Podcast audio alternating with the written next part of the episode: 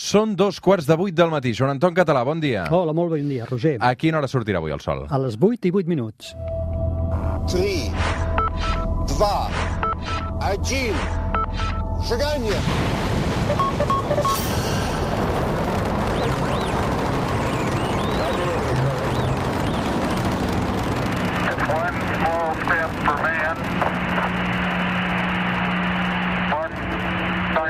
for man. Joan Anton, com va la vida? Molt bé, i tu, Roger? Doncs eh, fantàsticament bé, amb la ressaca encara d'aquest temporal Glòria. Ja ho sabeu, el Joan Anton Català és la nostra veu científica. Uh, sempre amb ell mirem al cel, però és que, clar, uh, aquests dies hem de mirar la Terra amb tot això que ha passat, eh, Joan sí, Anton? és molt preocupant. Les imatges són asseridores, tant les del nord com les del sud. Jo també vull remarcar això, perquè a vegades sempre sembla que les comarques del sud, t'ho dic així, jo sóc de Tarragona, nascut a Tarragona, sembla que a vegades no existeixin. Mm. I el que s'està veient a, a tot el país, però especialment també, eh, al Delta de l'Ebre, a la zona del Delta de l'Ebre, és esgarrifós. És una cosa... Realment al sud, entre la petroquímica i el Glòria d'aquesta setmana... Sí. T'hi has fixat que tenim la petroquímica, tenim les nuclears, Mhm. tenim forces parcs eòlics, tot al sud. Sí, sí. Per què serà? No, no, està claríssim. Um, el que passa, Joan Anton, és que un fenomen com aquest uh, hem escoltat moltíssims experts, moltíssims meteoròlegs. Um, clar, jo recordo el Tomàs Molina l'altre dia explicant amb la Mònica Terribas que ell amb 35 anys de professió no havia No vist un havia fenomen vist. com aquest. Sí. I que ara, que hagi passat, no vol dir que l'any que ve no es repeteixi. No, exacte. Eh, clar, aquí si hi hagués una bola de cristall que ens expliqués què està passant sense, sense dubte, ho, ho podríem entendre, no? Clar, aquí tenim molts dubtes. És evident que estem produ produint o provocant un canvi climàtic a escala global. És evident, per tant, que hi ha d'haver fenòmens locals, en aquest canvi global hi ha d'haver fenòmens locals que tenen a veure amb la corrent dels oceans o dels mars, eh, tenen a veure amb les diferències de temperatura, tempestes com les que s'ha produït ara no s'havien vist, ho ha dit el Molina, però també ho han dit altres, altres científics. Si mirem el registre de temperatures que el vaig mirar dels últims anys, és, són de rècord any rere any. Ara no ho recordo si eren els 12 o els 15 darrers anys, són els més càlids de la història eh, seguits des de que es pren registre de temperatures. Mm, clar, això se n'ha de ressentir, el, el, el clima se n'ha de ressentir d'això, i per tant el, les tempestes segurament pues, són més exagerades o més, més eh, límit no? que les que havíem tingut, i això jo penso que és una tendència. Mm.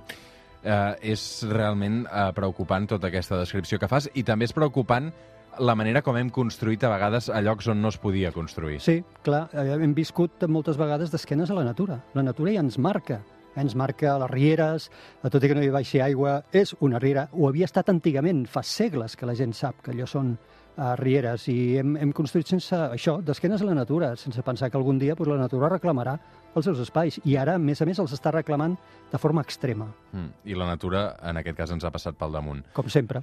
Uh, Joan Anton, aquesta setmana tornarem a mirar cap al cel, encara que sigui només per una estona, en aquesta terra esplana. De fet, l'astronomia també ha estat d'actualitat aquests dies, uh, amb un nom propi, que és el de Betelgeuse. I Betelgeuse és una estrella, oi? Sí, em permets un moment Sí. sí. només? És que vull enviar-li una salutació molt especial, Roger. Eh, he rebut una comunicació d'Edmonton, Canadà. Ep! Edmonton, Canadà, que ens segueixen, hi ha una família, la família de la Marta, Mm. que ens segueix des d'allà, no en directe, eh? perquè ja... Escolten el podcast de la Terra Esplana al suplement. Sí, i em va dir, per cert, que eh, han estat a temperatures de menys 40 graus Imagina't. fa no gaire. T'imagines el que són? Sensació, sensació de temperatura de menys 40? Mm. Mm. És una cosa increïble. Una abraçada ben forta cap al Canadà, cap a aquests oients d'Edmonton. Un dia els podem trucar, Vinga. No? I Ah, els si- saludem també. O si vols els envio un mail els despertarem, els despertarem. Tot això, a uh, properes setmanes, uh, ho organitzarem. Um, va, Joan Anton, uh, Betelgeuse, Molt bé. aquest fenomen, aquesta estrella que uh, és a punt de convertir-se en una supernova. I, uh, precisament aprofitant aquesta notícia que llegíem aquesta setmana, um, volem explorar aquesta estrella amb el Joan Anton i realment comprovar si aquesta supernova és a punt d'explotar o es convertirà realment en això. Avui visitem Betelgeuse.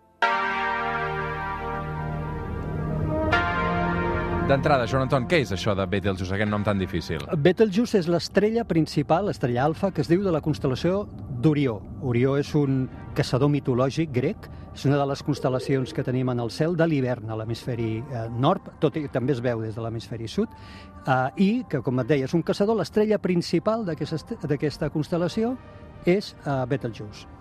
De quin color és? La veiem ataronjat. Eh? És una eh, estrella que és fàcilment identificable pel seu color vermellós ataronjat. Jo a vegades quan l'assenyalo amb làser la gent diu ah, no sabíem que les estrelles tenien colors. Doncs sí, en tenen. I eh, el color d'aquesta estrella ens dona molta, molta, molta informació de què és en realitat. I com és que és vermella? Com són aquestes estrelles supergegants de color ataronjat Clar, o tu vermellós? has dit, és una supergegant. Eh? És una estrella que és supergegant, és molt més gran que el Sol, i el que fan aquestes estrelles són estrelles molt massives que han entrat dintre de la bellesa de l'etapa última de la seva vida, s'han inflat, i a l'inflar-se la seva eh, capa exterior refreda a l'inflar-se. I al refredar-se es converteixen, viren, canvien la seva llum que se'n va cap al vermell. Per això les veiem ataronjades vermelles. I aquestes estrelles tan grans, supergegants vermelles, són les que acaben la seva vida explotant en aquestes explosions que anomenaves, que en diem supernova. Mm, Recordem una mica com és el cicle vital d'una estrella supergegant de color vermell, Joan Anton. Mira, jo Com primer... neixen i com moren. Molt bé, jo, jo explicaré el cicle vital de qualsevol estrella i cap al final et faré la distinció entre una estrella com el nostre Sol i una supergegant vermella com Betelgeuse. Uh, com sabem, perquè ho hem parlat alguna vegada en el programa, les estrelles, totes elles, neixen dintre de nebuloses que són grans concentracions de gas, bàsicament hidrogen i heli, que són els dos elements més abundants de l'univers. La gravetat el que fa és apretar, a poc a poc, tota aquesta massa que va caient cap al seu interior. I en qüestió de pocs milions d'anys, les temperatures a l'interior, pel pes i la pressió de tot aquest material, arriben als 15 milions de graus. I allà, allà neix l'estrella. A 15 milions de graus s'engega la famosa fusió nuclear, que és un procés que el que fa és matxambra, fusiona elements simples per produir elements més complexos. Per exemple, eh, fusiona quatre nuclis d'hidrogen per formar un nucli d'heli. Fent això, l'estrella aconsegueix moltíssima energia que li serveix per contrarrestar aquesta enorme pressió de la gravetat, de forma que aconsegueix un equilibri. L'estrella assoleix aquest equilibri, que és un equilibri que al final acabarà perdent quan mori, perquè la gravetat no perd mai la partida. Sempre la gravetat la guanyarà. Però de moment una estrella amb la fusió nuclear aguanta aquest seu propi pes i pot viure així durant milions d'anys, en el cas de les estrelles molt grans, o milers de milions d'anys en el cas de les estrelles més petites, com el nostre Sol. Quin rol hi juga tot això, la gravetat? La gravetat és la força aquesta que apreta i no deixarà d'apretar durant tota la vida de l'estrella. No deixarà de fer que l'estrella, tot aquest material, caigui cap al seu interior i no deixarà d'intentar destrossar eh, aquest element tan gran que anomenem estrella.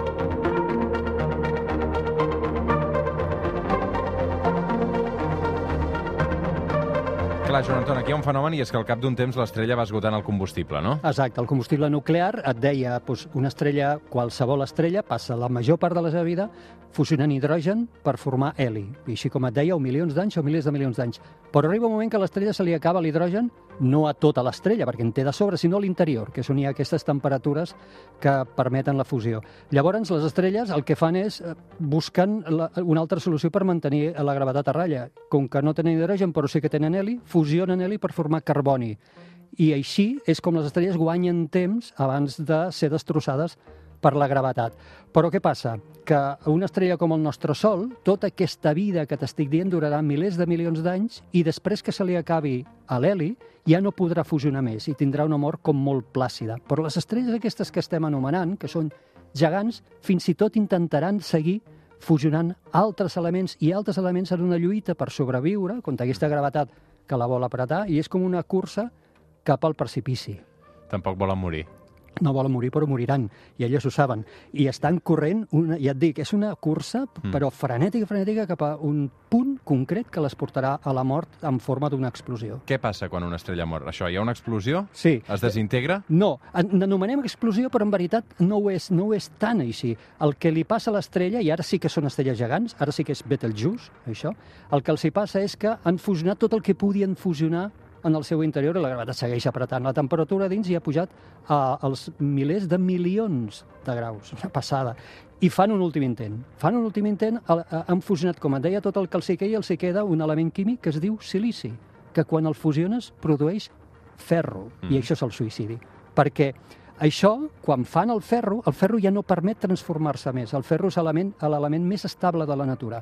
La, la gravetat no deixarà d'apretar, la temperatura no deixarà de pujar i les estrelles finalment intenten fusionar el ferro. Com et deia, el ferro és l'element més estable de la natura I la seva fusió no genera energia, sinó que en consumeix. Tot de sobte és com si un edifici li dinam- dinamitessis uh, les vigues que l'aguanten, això que veiem a vegades a les pel·lis, no? Sí, sí, sí. i cau tota l'estrella sobre si mateixa. Ja no hi ha res que pugui aturar la seva gravetat. A velocitats properes a les de la llum, t'has d'imaginar una gegant d'aquestes, milions de vegades més grans que el Sol, a velocitats properes a la llum, tot cau cap al seu interior. És impressionant. I la pressió dins és tan bèstia, tan animal, que allà dins neixen dos dels, eh, de les bèsties més enigmàtiques de l'univers, que n'hem parlat alguna vegada, que són o els forats negres o les estrelles de neutrons. I quan allà neixen, això és com una paret que ja no deix comprimir-se més. És com un tren, tot el de més cau cap allà, això és el tren, que xoca contra una paret, un forat negre o una estrella de neutrons, i tot surt rebotat cap a fora. Això és l'explosió d'una supernova, un, un fenomen brutal. Quina diferència entre les supernoves i les supernoves 2B? Aquestes que t'he anomenat són les 2B. Veig que vas per nota, Roger, es noten els programes, eh, els programes que portem. els, els 2B... Tinc una xuleta fantàstica, també, però endavant. Molt bé. Mira, la supernova 2B és aquesta que hem parlat. S'anomenen de col·lapse gravitatori. Són supergegants vermelles que es col·lapsen eh, i reboten contra el seu interior. Eh, Hi ha un altre tipus de supernoves, n'hi ha varis, eh, però el més bàsic són aquestes, i una que es diuen UA. La UA no té res a veure. Aquesta sí que és una explosió. La UA és una explosió que es produeix en estrelles similars al Sol, quan els hi roben matèria a una companya gran, i aquestes sí que acaben eh, esmicolant, són explosions que esmicolen completament l'estrella. Però d'aquestes no estem parlant. Betelgeuse morirà en una de dos, tipus 2B, com aquesta que acabem de, de dir, eh? un col·lapse gravitatori. Doncs tornem a Betelgeuse, aquesta estrella tan fantàstica que avui ens presenta el Joan Anton. En quin punt de la seva vida es troba ara mateix? És a punt d'implosionar? Ai, ja ens agradaria, ja ens agradaria. L'última etapa d'una estrella gegant, eh, pensem que pot durar uns 100.000 anys. Creiem que podríem estar, mira, ja la sento explotar, eh, pensem que podríem estar dins d'aquesta finestra temporal de 100.000 anys. Què vol dir? Que podria explotar demà o podria explotar d'aquí a 100.000 anys. Però estem, estem, diríem, a punt, entre cometes. Eh? Dintre d'aquests 100.000 anys estem al final de la vida d'aquesta superestrella. Increïble. Escolta'm, i per què, per què en parlem tant? Per què torna a ocupar titulars aquesta uh, Betelgeuse aquests dies? Clar, fins aquí pues, seria la història d'una supergegant vermella i no passaria res. Però què passa? Per què n'estem parlant? A les darreres setmanes se li ha notat una disminució amb la lluentor. Eh? La llum de l'estrella aquesta... Ja no brilla. Eh, oh, brilla bastant menys, sí que brilla, però bastant menys. I tot i que és una estrella variable, vol dir que és una estrella que durant la història ha anat presentant canvis de llum, és veritat que des de que tenim registres mai li hem vist una disminució tan bèstia de llum com ara. I això li sumes que, a més, s'han detectat ones gravitacionals que venen de la regió del cel que habita aquesta estrella en la direcció de, podrien no venir d'ella, eh, però venen en aquesta direcció, tot s'ha juntat perquè les xarxes esclatin en especulacions i rumors de si aquesta estrella està no ja a 100.000 anys d'explotar, sinó demà, eh? o, o la setmana que ve. I això és el, els rumors o les especulacions que hi ha en aquest moment. Tu te les creus? Eh, A veure, jo... S'ha de ser molt prudent. Clar, entre 100.000 anys la probabilitat de que exploti demà és mínima. Eh? Mhm. Però és com la loteria. Quan tu jugues a la loteria, la probabilitat que et toqui és mínima, però bé que et mires el resultat. I què passaria si explota? Ah, serà brutal. En el moment en què ho faci, afortunadament estem suficientment lluny de Betelgeuse, perquè estem a més de 600 anys llum, a uns 640 anys llum, suficientment eh, allunyats, com et deia, perquè no haguem de patir, però serà un espectacle en el cel. Si eh, en el moment en què exploti Betelgeuse la veurem lluir de dia, fins i tot. I de nit, la seva llum podria arribar a ser tan potent com la de la lluna plena. Imagina't. Carai, Imagina't. sí, serà un fenomen meteorològic absolut. meteorològic, astronòmic, eh, cosmològic, de tot absolut. Serà, de, de fet, l'espectacle de la vida de la generació que ho pugui veure. Per tant, tenim ganes d'alguna manera de que es mori, no? Ens morim de ganes, mai més ben dit, ens morim de ganes de que es mori tots. Uh, primer, la gent en general, perquè, com et deia, serà un espectacle mm, de- d'un cop a la vida, diríem, eh? o d'un cop en moltes vides. Però els científics també estem molt expectants perquè mai uh, hem observat amb la tecnologia que tenim actualment, una supernova propera com aquesta. Les supernoves que observem són d'altres galàxies. La darrera supernova de la nostra galàxia, perquè et facis una idea, va ser de començaments del segle XVII. Des de llavors no n'hem observat cap a la nostra galàxia. Imagina't. sí, això és normal perquè com que I qui som ho va dins... deixar escrit al segle XVII, que l'havien vista? Kepler, per exemple, en va veure una i ho va deixar, i ho va deixar vist. Què passa? Per què no en veiem a la nostra galàxia? Perquè com que som dins de la galàxia, no tenim la perspectiva de mirar-la des de fora, hi ha regions, grans regions de la galàxia que ens queden amagades perquè nosaltres som dins i llavors hi ha altres objectes que ens tapen aquestes regions. Ens és molt més fàcil veure supernoves en altres galàxies que les veiem en perspectiva des de fora que a la nostra mateixa. Però clar, el valor que tindria poder analitzar avui amb la tecnologia que tenim una supernova propera seria immens. Mm. Um, clar, uh, sabem que tard o d'hora aquest uh, Betelgeuse explotarà. Uh, ens avisarà d'alguna manera, més enllà d'aquestes especulacions que es publiquen a la xarxa aquests dies? Clar, en principi, la primera resposta seria no, perquè com que no hi ha res que viatgi més ràpid que la llum, i la llum és el nostre missatger, és el que ens dirà que ha explotat, hem d'esperar que la seva llum ens arribi. Val dir que com que està a 640 anys llums de distància podria haver mort, eh? i no ho sabríem perquè encara estem rebent la llum de quan estava bé. Però hi ha una petita probabilitat de que si tenim molta sort tinguem un avís previ, que són els neutrins. Neutrins n'havíem parlat alguna vegada en el programa, no viatgen tan ràpid com la llum, però quasi, però tenen una peculiaritat. En l'explosió d'aquesta supernova es produeix com un envoltall, una, una, un núvol immens de matèria al voltant de la supernova, on la llum rebota fins que no aconsegueix sortir. Però els neutrins s'ho travessen tot. I els neutrins surten immediatament, amb la qual cosa és possible, amb molta sort, que ens poguessin arribar alguns neutrins dels trilions o quadrilions que es formaran, que en poguéssim detectar un, que és molt complicat, que ens arribés ell abans que la llum, amb hores, a lo millor, de, de diferència. I això podria ser un avís que ens posés a això, a, a l'expectativa de que realment Betelgeuse ha mort. Què hem de fer mentre esperem aquesta mort, aquest suïcidi? Viure la nostra vida, eh, mirar el cel, jo quan puc la miro, no perquè... És això que et deia, perquè la probabilitat és mínima. És dir, si aquí haguéssim d'apostar, apostaríem a que nosaltres a la nostra vida no la veurem morir, perquè com que et deien 100.000 anys hi ha doncs, marge de sobre com perquè no hagi de ser ara. Però jo me la miro sempre. Eh? I aquests dies me l'estic mirant i veig com la seva llum ha baixat i penso, t'imagines? T'imagines que ara ens arribés? Per tant, seguim normal la nostra vida, però bueno, tinguem un ullet posat Clar, amb què te la mires, tu? a, a ull nu. Ull nu, eh? Sí, sí, sí, sí, això qualsevol de nosaltres, fins i tot des de la ciutat, des de Barcelona, ja si puges a Collserola ja la veus molt millor, però fins i tot des de Barcelona aquesta estrella es pot veure. Com la trobem?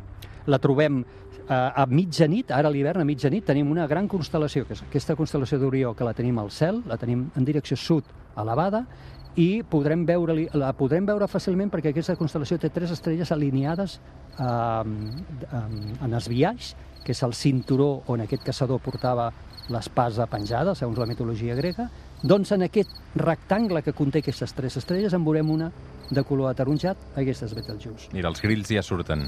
Mira, sí, doncs ara és hora de que l'anem a buscar ja. No ens despistem, continuem mirant al cel, Joan Anton, perquè aquesta setmana tenim una lluna fantàstica. Sí, tenim la lluna amb Venus. Eh? Venus fa setmanes que en parlem, la tenim molt brillant, Venus la tenim molt brillant al, al vespre, cap al horitzó oest, i el que passarà eh, demà i demà passat, que la lluna creixent, una finíssima lluna creixent, es posarà al costat visualment de Venus. Eh? Per tant, com sempre diem, fotografies. I ja que estem parlant del cel, mentre mirem Venus i se'ns fa fosc, no oblidem deixar que es faci fosc i donar-li una ullada a Betelgeuse per si un cas. Mm.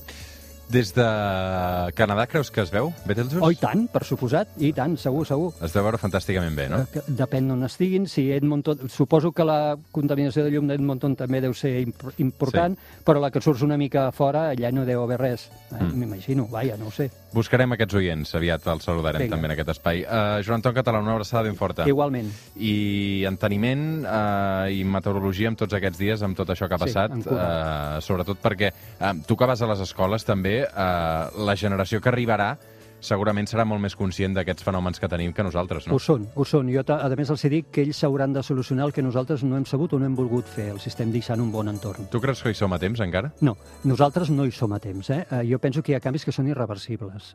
El que sí que som a temps és de frenar-ho una mica o de, no, de minorar el, els efectes. I ja et dic, no només per nosaltres, sinó pels fills, els nostres fills. Això és el que ens ha de moure.